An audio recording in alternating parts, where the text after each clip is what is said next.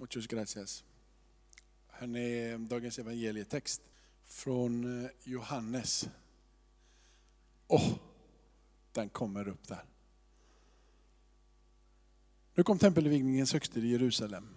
Det var inte och Jesus gick omkring i Salomons pelare i templet. Då, omkring, eh, då omringade judarna honom och frågade, hur länge ska du hålla oss i ovisshet? Om du är Messias, så säg det öppet till oss. Jesus svarade, jag har sagt det till er, men ni tror det inte. Gärningarna som jag gör i min faders namn vittnar om mig, men ni tror inte, för ni hör inte till mina får. Mina får lyssnar till min röst, och jag känner dem, och det följer mig. Jag ger dem evigt liv. De ska aldrig någonsin gå förlorade. Ingen ska rycka dem i min hand. Min far som gett eh, mig dem är större än allt. Och ingen kan rycka dem i min faders hand. Jag och Fadern är ett. Amen. Hans vilja är större. Så lyder det heliga evangeliet. Ja, ungefär. Lovad vare du Kristus. Han, vad heter det, eh, eh, eh, en herde, gode herden. Ehm, men innan jag berättar om gode herden, det finns alltid en möjlighet att komma tillbaka tillsammans med Gud.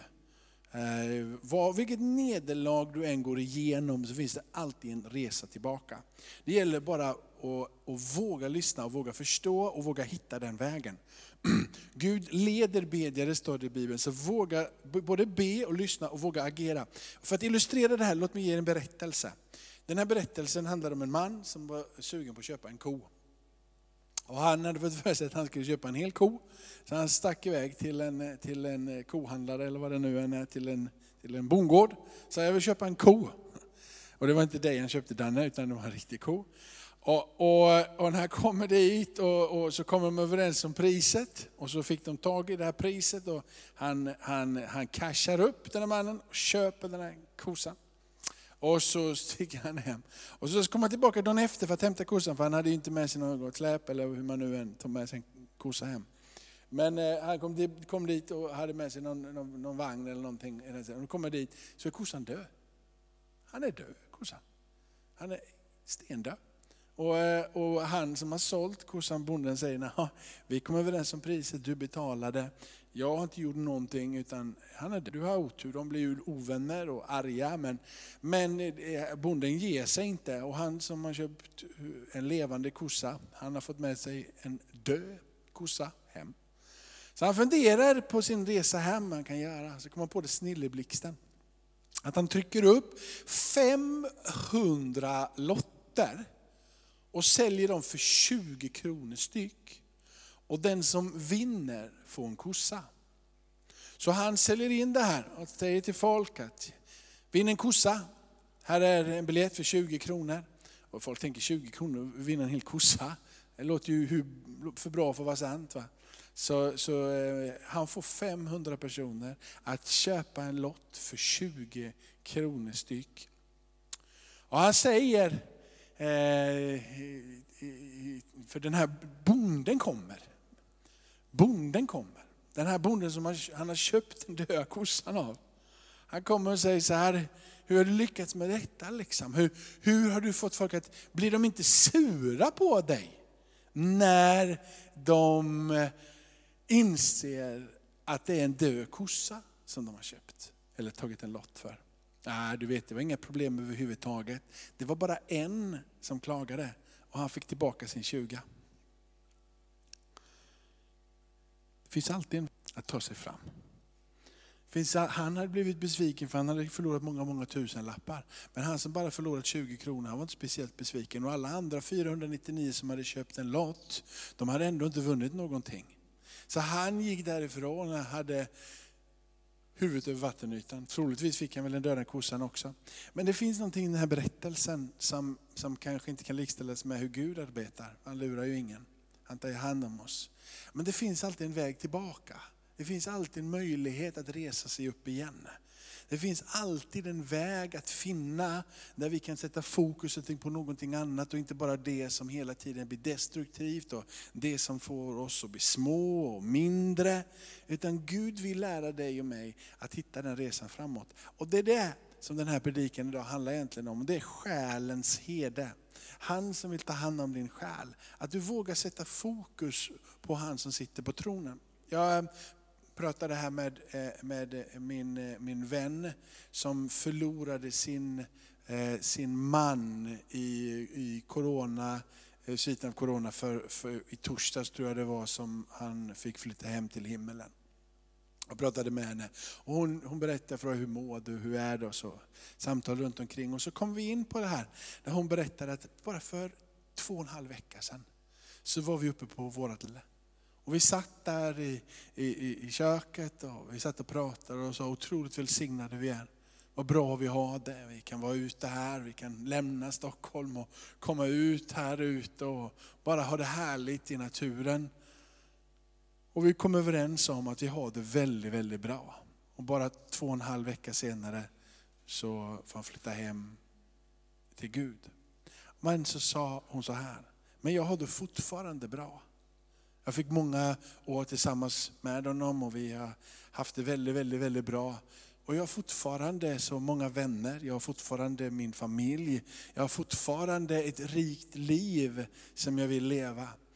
Och frågan är vad du och jag sätter vår blick. Lite som Kevin gav uttryck här som har gått igenom processen, och fått ta ut alla tänderna om man ändå säger att Gud är ändå god, Gud är ändå med, Gud har ändå en resa framåt. Gud har varit där, det här är inget nederlag utan Gud är med och Gud kommer rätta det. Att du och jag fick ta den här texterna som är idag om den gode heden. Han som vill ta hand om dig, han som vill vaka över dig, han som vill vårda din själ så att du inte går vilse i alla de här olika krumelurerna som ligger i våran väg. Till exempel det här viruset corona. Hörrni, här, att på något sätt så har vi i kyrkan blivit experter på att lyssna. Eh, och oftast när, när, när, när du lyssnar på någon som predikar, oftast, inte alltid, och många gånger när du hör på mig så håller du inte med. Men oftast när du är i kyrkan så håller du med. Du tycker att det är ganska bra det som sägs, men meningen är inte att vi ska bara tycka om det som sägs egentligen. Meningen är att de texter som vi läser och det liv som vi lever med Gud och den atmosfär som den heliga Ande ger ska bli oss till förvandling. Bibeln förvandlar inte, alltså när du läser den här boken, och du läser de här texterna, så förvandlar inte det dig för att det står här i. Det förvandlar dig för att Jesus lever. Det som står här är sant. Det är därför det förvandlar liv. Det är liksom ingen hokus pokus, att du bara läser några texter här. Men när du sätter ditt hopp till han som lever, och du läser texterna om han som lever, så blir det här till förvandlande kraft på din insida. Berättelserna om Jesus i skriften förvandlar ditt liv för att han verkligen lever. I de texterna som vi läste från Jeremia och från första Petrus, så här med ett uttryck för att Gud hela tiden och alltid har velat ta hand om sitt folk. Att han har ett hjärta för det som är hans. Han kallar och rustade profeterna för att tala om vad som är Guds hjärta. Det här är vad jag vill, jag vill samla alla. Jag vill, de som har varit skingrade, de ska jag igen omfamna. Jag ska ta hand om dem. Hela Israels hus ska få komma till det här landet som jag har lovat dem. Var de än har blivit skingrade så ska jag samla dem igen. Jag vill ta hand om dem, jag vill vårda dem och jag vill värna om dem. Och så kommer den gode heden in i världen och apostlarna har varit runt och Petrusen skriver, så deklarerar han att de ord som har kommit till oss, det är att vi ska ta hand om fåren, att vi ska ta hand om de människorna som Gud har satt runt omkring oss, att vi ska se dem och möta med dem och ta hand om dem som en jord. Han säger till församlingens äldste, ta hand om den flock som Gud ger er, ta hand om de människor som Gud har gett er, vårda dem och var där för dem. Det är det här Jesus ger uttryck för. När han säger, jag är den gode herden. Jag ska ta hand om dig. Jag ska vaka över dig. Jag ska se till att du har den mat du behöver. Och kommer det faror så ska jag mota dem. Jag ska leda dig från A och jag ska vara med dig under hela den här resan. Jesus är ingen coach. En, en coach, alltså Jesus är mer än en coach. En coachs uppdrag är att se till att lyssna på dig och se till vilka kunskaper du har och vilka egenskaper du har. Så ska coachen mana dig och ta dig vidare in i. Det finns ett visst ansvar hos coachen men det, det sträcker sig inte egentligen hela vägen. Men Jesus är mycket, mycket mer än en coach. Jesus vill beskydda dig ifrån alla faror. Jesus vill inte bara se till att du ska prestera, alltså han ska coacha dig fram för att du ska bli bättre. Han tar hand om dig när du blir ibland sämre. Han vårdar dig när du ibland faller. Coachens uppdrag är att se till att resa dig upp och maximera potentialen i dig hela tiden. Men Jesus är mer än en som bara vill maximera din kapacitet. En som är mycket, mycket mer än att driva dig framåt för att du ska bli en bättre människa. Driva dig framåt för att du ska kunna verkställa allting det som han har sin plan för dig. Han är den goda heden som lämnar de 99 när du är upprorisk och går väg. Han är den gode heden som jagar dig när du inte vill veta av honom. Han är den gode heden som jagar dig när du gömmer dig för honom. När du inte vill höra när han pratar med dig. När du säger jag vill inte ha dig som coach, så är han ändå där och lyfter dig upp. Han är mycket, mycket mer än en coach. Han är mycket, mycket mer än en som bara vill att du ska få ett bra liv. Han är den som tar hand om dig när allting faller. Han är den som vill föra dig framåt beskydda dig ifrån vilddjuren. Jesus är mer än bara en mild röst. Jesus är mer än bara omsorg. Jesus är den store beskyddaren.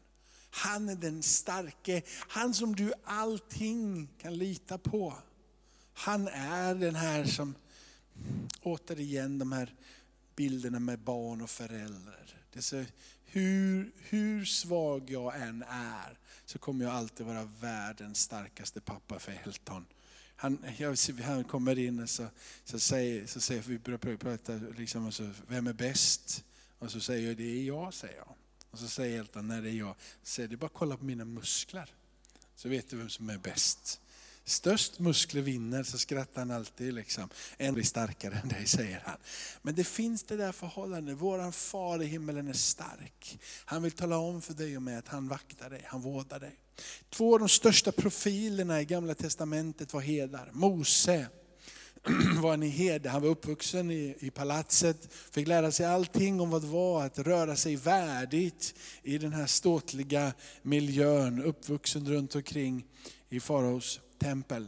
Men han drog därifrån och landade och blev en herde och fick lära sig vad livet är och hur man tar hand om saker och ting, hur man fostrar saker och ting, hur man vårdar det. Leta var finns mat, var finns trygga ställen, var finns vatten och skydd där jag kan finna ro. Denna store Mose, denna förebild, en bild på hur Gud vill att du och jag ska vara och hur Gud är emot oss. En Kristusbild över hur han gav sitt liv för att föra det här folket vidare och ut och in i det som Gud hade för dem.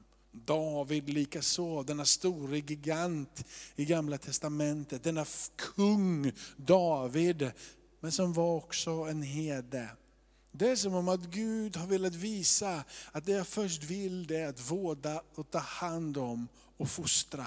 Innan han vill någonting med dig, innan han lägger ner en enda kapacitet i dig egentligen. Så är först att du ska förstå att han vill vårda och ta hand om din själ.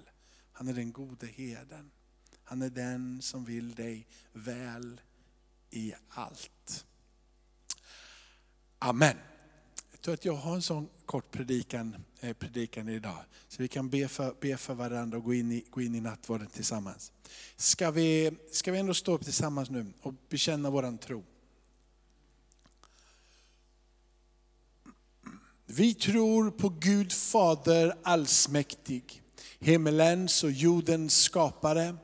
Vi tror också på Jesus Kristus, hans enfödde son, vår Herre, vilken är avlad av den helige Ande, född av jungfru Maria, pinad under Pontius Pilatus, korsfäst, död och begraven, nedstigen till dödsriket, på tredje dagen uppstånden igen ifrån de döda, uppstigen till himmelen, sittande på allsmäktig Gud Faders högra sida, därifrån igenkommande till att döma levande och döda.